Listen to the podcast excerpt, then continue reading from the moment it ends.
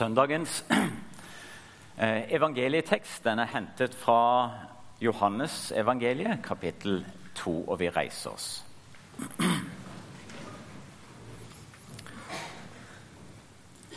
Den tredje dagen var det bryllup i Kana i Galilea. Jesu mor var der. Også Jesus og disiplene hans var innbudt.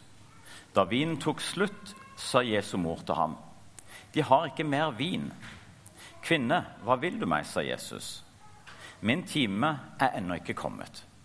Men moren hans sa til tjenerne, 'Det han sier til dere, skal dere gjøre.' Det sto seks vannkar stein der, slik som brukes i jødenes renselsesskikker. Hvert av dem rommet to eller tre anker. Fyll karene med vann, sa Jesus til tjenerne. De fylte dem til randen. Øs nå opp og bær det til kjøkkenmesteren, sa han. Det gjorde de. Kjøkkenmesteren smakte på vannet. Det var blitt til vin. Han visste ikke hvor den var kommet fra, men tjenerne som hadde øst opp vannet, visste det. Da ropte han på brudgommen og sa.: Alle andre setter først frem den gode vinen, og når gjestene blir beruset, kommer de med den dårlige. Men du har spart den gode vinen til nå. Dette var det første tegnet Jesus gjorde det var i Kana i Galilea. Han åpenbarte sin herlighet, og disippelen hans trodde på ham.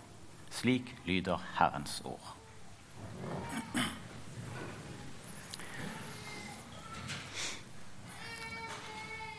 Dagens prekentekst taler om Jesu første under. Jesus er til stede i et bryllup og velsigner festen slik ingen kunne drømt om. Og I epistelteksten fra Det gamle testamentet så hører vi om at Gud skapte mennesket i sitt bilde, til mann og kvinne, og ba dem å være fruktbare. Og I en tilleggstekst som vanligvis ikke leses i en gudstjeneste, så hører vi om Maria og Josef og tolvåringen Jesus som reiser opp til Jerusalem til påske. Og Der blir Jesus borte, og foreldrene blir bekymra. Slik taler de fleste av tekstene i dag om ekteskap og familie. Samtidig er Bibelens hovedmål for oss mennesker ikke ekteskapet, men den fullkomne gudsrelasjonen, slik vi fikk høre det i epistelteksten som ble lest til oss i begynnelsen av gudstjenesten. Men vi hører alle til i en familie. Vi er alle barn av en mor og far. Vi kommer fra et hjem.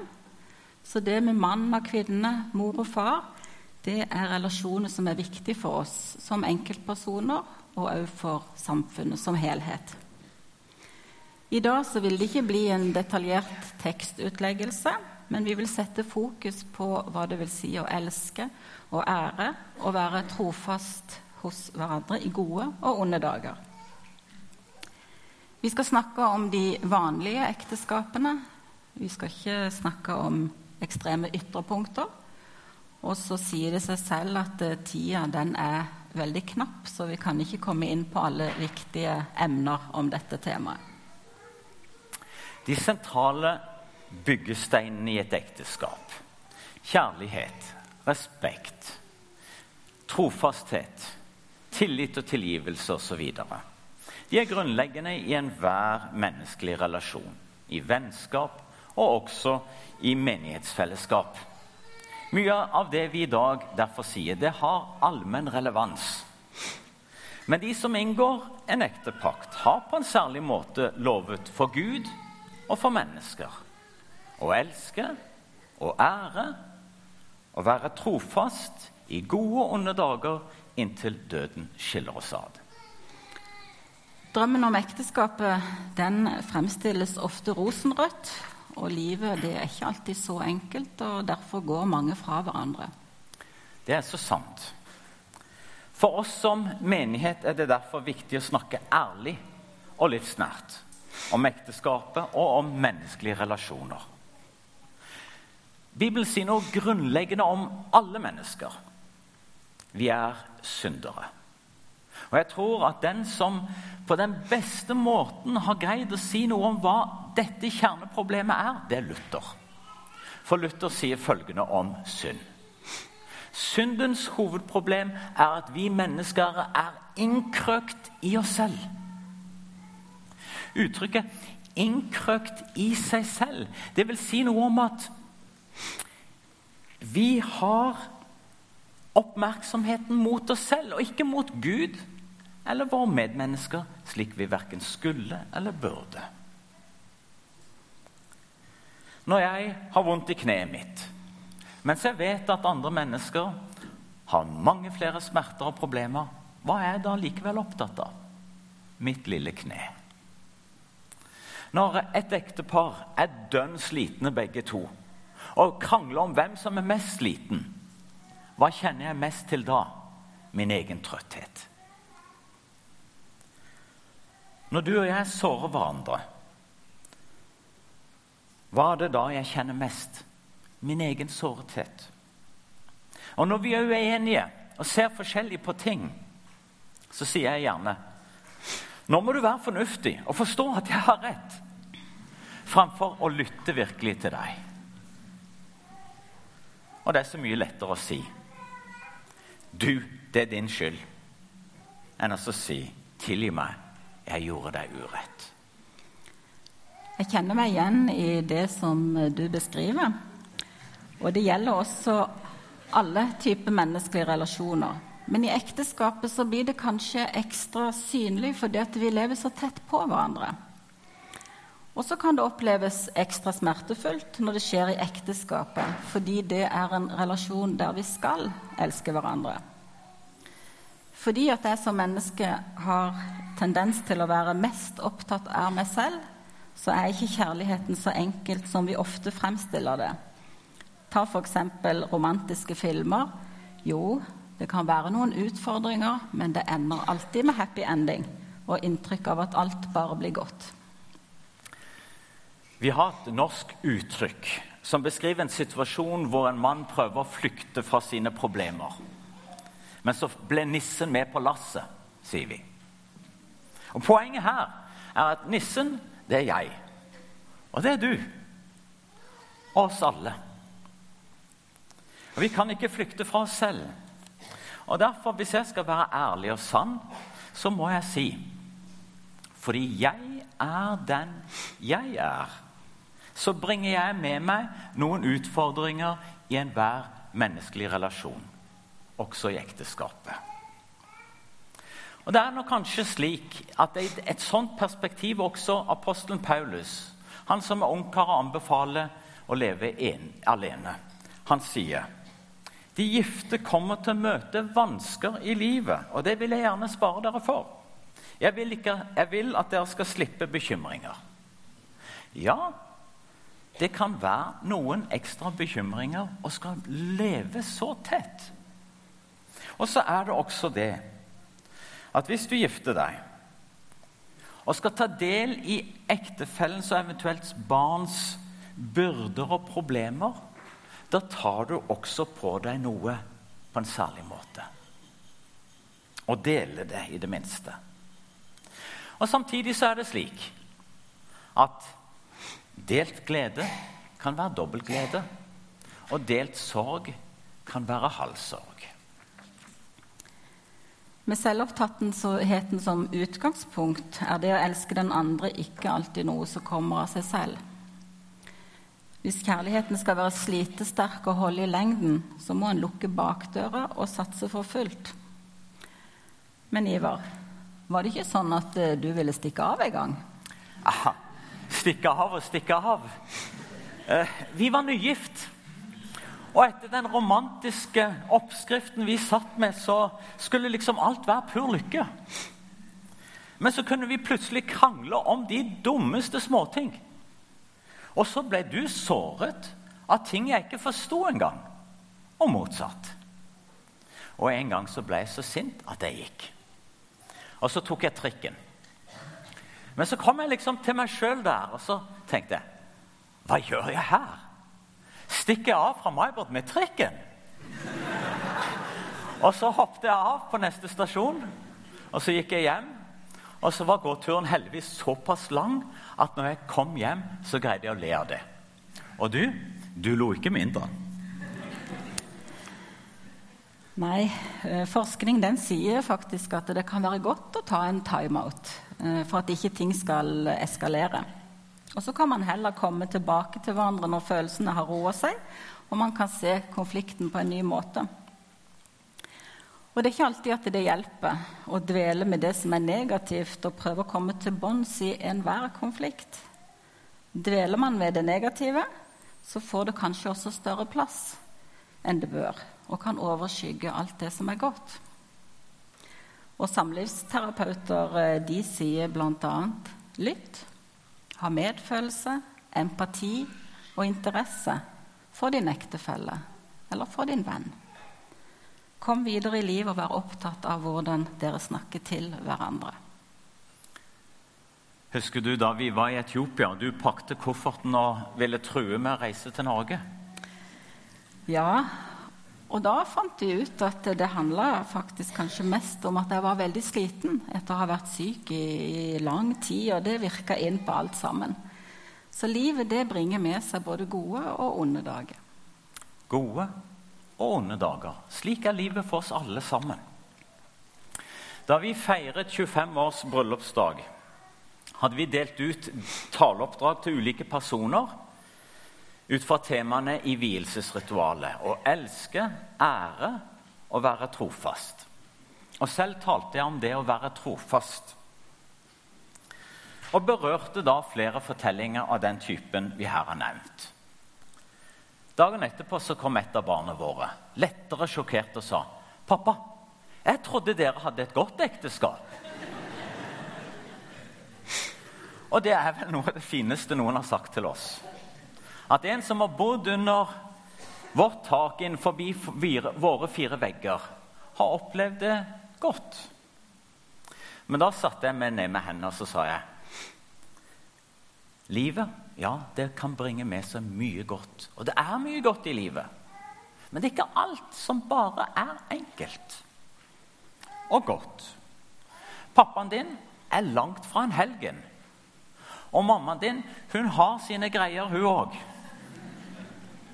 Tro meg, vi har greid å såre hverandre, og vi har greid å gjort hverandre urett.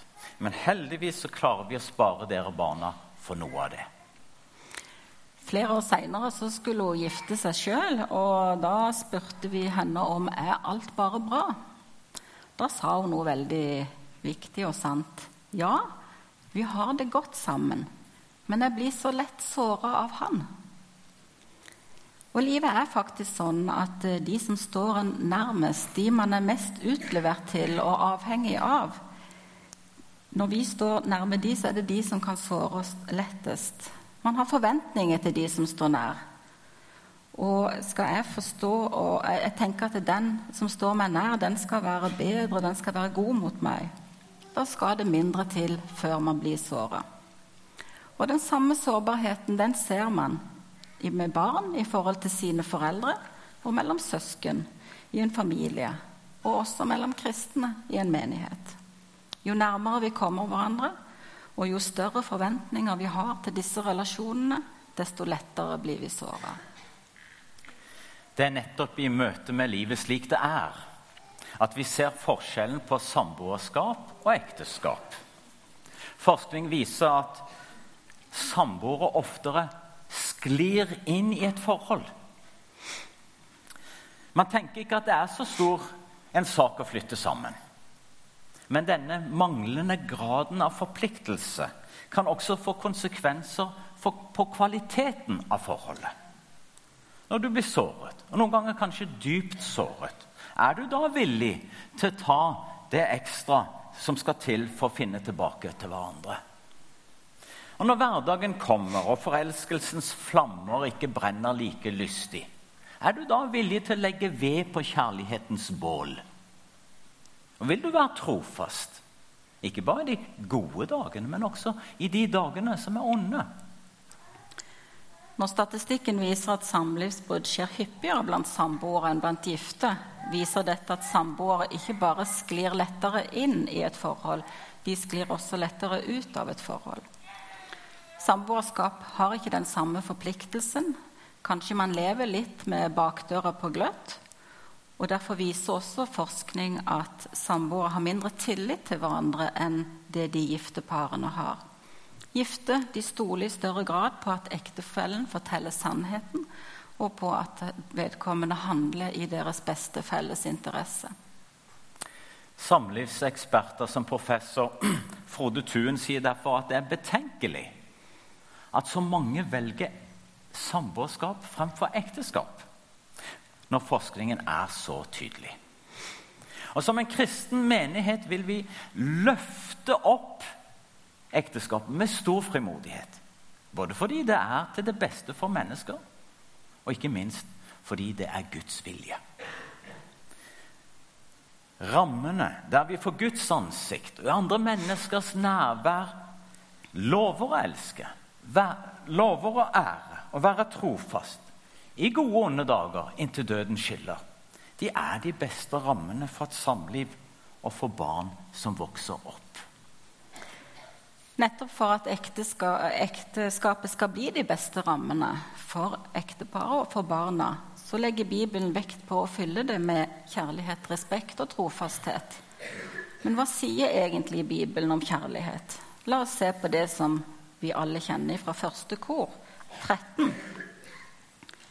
Kjærligheten krenker ikke, søker ikke sitt eget, er ikke oppfarende og gjemmer ikke på det onde. Den gleder seg ikke over urett, men har sin glede i sannheten. Kjærligheten utholder alt, tror alt, håper alt og tåler alt. Når jeg ser på denne bibelteksten, så forstår jeg at sann kjærlighet kan ha tøffe vilkår i denne verden. Vi skal senere komme inn på hvor viktig oppgjør og tilgivelse er for ekteskap og alle menneskelige relasjoner. Men her vil jeg løfte opp en annen bibeltekst om kjærlighet. I 1. Peter kapittel 4,8 så står det Framfor alt skal dere elske hverandre inderlig, for kjærligheten skjuler en mengde synder. Denne teksten taler ikke spesielt til ekte folk, men til alle kristne. Og poenget er kjærligheten skjuler en mengde synder. Det betyr ikke at synd ikke er synd og urett ikke er urett der noen er glad i hverandre. Men der mennesker virkelig bryr seg om hverandre og er glad i hverandre, der tåler denne relasjonen, som denne teksten sier, en mengde synder. Tenk bare på hvor mye en far og en mor kan tåle av sine barn, eller barn av sine foreldre. Det er ikke rart at denne teksten oppfordrer oss og sier fremfor alt skal dere elske hverandre inderlig. Jeg er ikke i tvil om at kjærligheten har vært viktig i vårt ekteskap. Her og andre steder i Bibelen så oppfordres vi til å la kjærligheten få vokse seg rik og stor. Og jeg tror at det handler om de små tingene i hverdagen. Vi to vi var sene med å begynne å drikke kaffe. Men de siste syv-åtte årene så har jeg fått servert en caffè latte hver eneste ettermiddag jeg kommer hjem fra jobb. Og på senga før jeg står opp når det er helg. Det har blitt en sånn hverdagsrutine. Men det handler faktisk om å bli sett og om å bli anerkjent. Ivar vender seg mot meg, så det er den lille hverdagslige oppmerksomheten et synlig tegn på det å elske og ære. Så kjærligheten det er noe vi må verne om, forplikte oss til og stadig ville beslutte å kjempe for. Da vi feira 30-årsbryllupsdag, da hang vi opp et dikt av Trygve Skau over kaffemaskinen vår. Og der står det at 'Du og jeg er ikke bare flaks eller tilfeldigheter lenger'.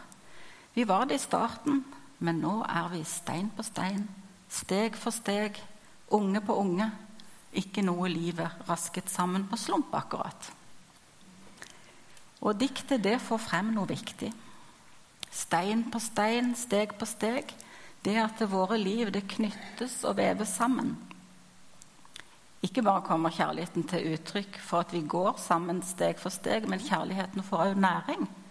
Nettopp fordi at vi tar disse stegene sammen. Hva tenker du om ekteskapet som en vandring, Ivar? Vår felles livsvandring har ført oss opp på mang en livets fjelltopp. Og disse fjelltoppene er berikelser, minner og merkesteiner som på en særlig måte binder oss sammen. Tenk f.eks. på de årene vi fikk i Etiopia sammen. Hvor meningsfylte vi opplevde de. Eller på de fire barna vi har fått. Når barnet ble lagt på din mage, og vi sammen holdt rundt det, ja, da ble det om å gjøre at det barnet skulle få en trygg og god ramme rundt sitt liv. Og nå skal vi bli besteforeldre. Dette og mye, mye, mye annet. Det vever våre liv sammen med sterke bånd. Men Bibelen den advarer mot drukkenskap. Men vet du at Bibelen anbefaler et rusmiddel? Sier du det? Ja, i ordspråkene 5, 15 og 19 så står det Drikk vann av din egen brønn, det som flyter fra din egen kilde. Drikk deg alltid utørst ved hennes bryst, og la hennes kjærlighet stadig beruse deg. Jeg tror at det er viktig å stoppe opp noen ganger, at ikke alt er hverdag, men at det blir noen fjelltopper. Og samlivets gave det gir farge til tilværelsen, men det er òg, som Bibelen sier, det gjør oss til ett. Det binder oss sammen, og det skaper bånd. Ja, fjelltopper er viktige. Men har du tenkt på at i naturen så finnes det verken vann eller mat på fjelltoppene? Du kan rett og slett ikke være der lenge om gangen. Og livet må derfor leves på en slette eller kupert terreng der det er vann og mat. Og lykke Lykke tror jeg derfor handler mye om det å kunne glede seg over og være tilfreds med hverdagen. I løpet av fire år nå så har tre av barna våre gifta seg. Og Presten som skulle vie et av de parene, han spurte de noen dager før bryllupet. Hvilket mål har dere for ekteskapet? Hvilke fjelltopper skal dere bestige, og hva vil dere? Og Han var jo spent på å høre fra et ungt par som ville gifte seg. Så svaret til de to det overraska litt. Vi håper vi får et greit ekteskap. Men det gjorde presten til hovedpoenget i bryllupstalen. Hvis totalopplevelsen av det å gå på fjelltopper, være i daler, dype skoger og stille vann. Lange sletter og kupert terreng, ja, til og med myrer og bratte bakker. Hvis det er greit, ja, da er det faktisk veldig godt. Amen. La oss gå over til et nytt tema. Å ære hverandre er kanskje et litt fremmed og spesielt uttrykk. Vi har derfor bestemt oss for å bruke en illustrasjon fra Hårek og Gyda for å si noe om hva det ikke er. Hvorfor kan ikke vårt ekteskap være mer sånn som Olsen sitt? Hva er det som er så bra med Olsen sitt ekteskap? Jo, de har faktisk ikke krangla på 20 år. Ektepar de er litt forskjellige. En kan være utadvendt, og den andre innadvendt. En kan være forsiktig, den andre mer dominerende. Og Det er viktig å si at vi kan være forskjellige, og det må vi få lov til å være. Men det tegningen skal prøve å illustrere, det er følelsen av at den ene krymper den andre. Og det å ære, det er det motsatte. Av å redusere den andre, gjøre noen liten eller begrense. Å ære hverandre, det er å løfte hverandre opp. Vise respekt. Hvis vi ærer noen, så lar vi den blomstre. Mens forakt, derimot, det kan forpeste og ødelegge mye i en relasjon. Så det å ha ømhet, respekt og beundring for den andre, det er avgjørende for både et livslangt vennskap og et ekteskap. I 1. Peter kapittel 3 vers 7 sies det til ektemannen Vis henne ære, for sammen skal dere arve nåden og livet. Gjør dette, så ikke deres bønner blir hindret. Sammen skal dere arve nåden og livet, vektlegger apostelen Peter. Altså, I Guds øyne har begge samme verdi og en utrolig stor verdi. Og da skylder også vi å løfte hverandre opp og ære hverandre. Det er ikke ofte i Bibelen at det advares mot at bønner blir hindret. Men det gjør det her. Så det å ære og hedre hverandre, det må være viktig. Vi var inne på at eh, det ikke nødvendigvis var det beste å komme til bunns i alle konflikter eller dvele med det som er vanskelig, men det utelukker ikke viktigheten av oppgjør og tilgivelse. Vi skal ikke tie i hjel eller bagatellisere det som er vondt og vanskelig imellom oss. Nærmest ja, hver søndag så bekjenner vi våre synder.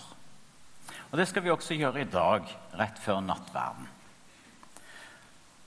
Og når vi så har bekjent våre synder, så får vi høre Guds løfte om nåde og tilgivelse for Jesu Kristi skyld. Og den som får smake Guds nåde og tilgivelse, vet litt om hvordan dette kan sette fri. Om hvordan dette kan løfte oss opp og gi oss frimodighet til å komme nær Gud igjen. Ja, du får starte på nytt.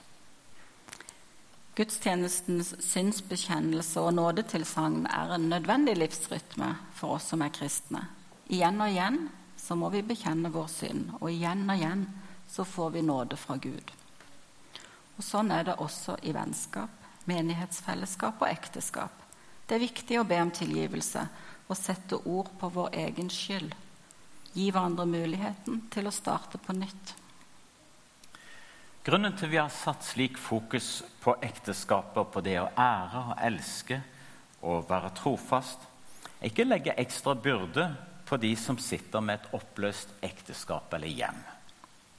Når vi i dag hører innbydelsen til nattvær, så kommer vi alle fordi vi trenger Guds nåde og tilgivelse.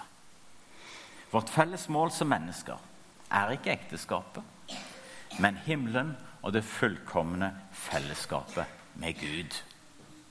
Men ekteskapet er viktig. Et hjem er viktig. Og ut fra Guds ord så trenger vi å hjelpe, oppmuntre, veilede og støtte ekteskapet. Og De sentrale byggesteinene i ekteskapet er jo kjærlighet og respekt og trofasthet, tillit og tilgivelse. Som er grunnleggende for alle oss mennesker. Enten vår liv er i et ekteskap eller ikke. Derfor Gud velsigne deg. Gud gir deg kraft og styrke til å leve som en god ektefelle, som en god venn, som en god kristen søster og bror. Amen.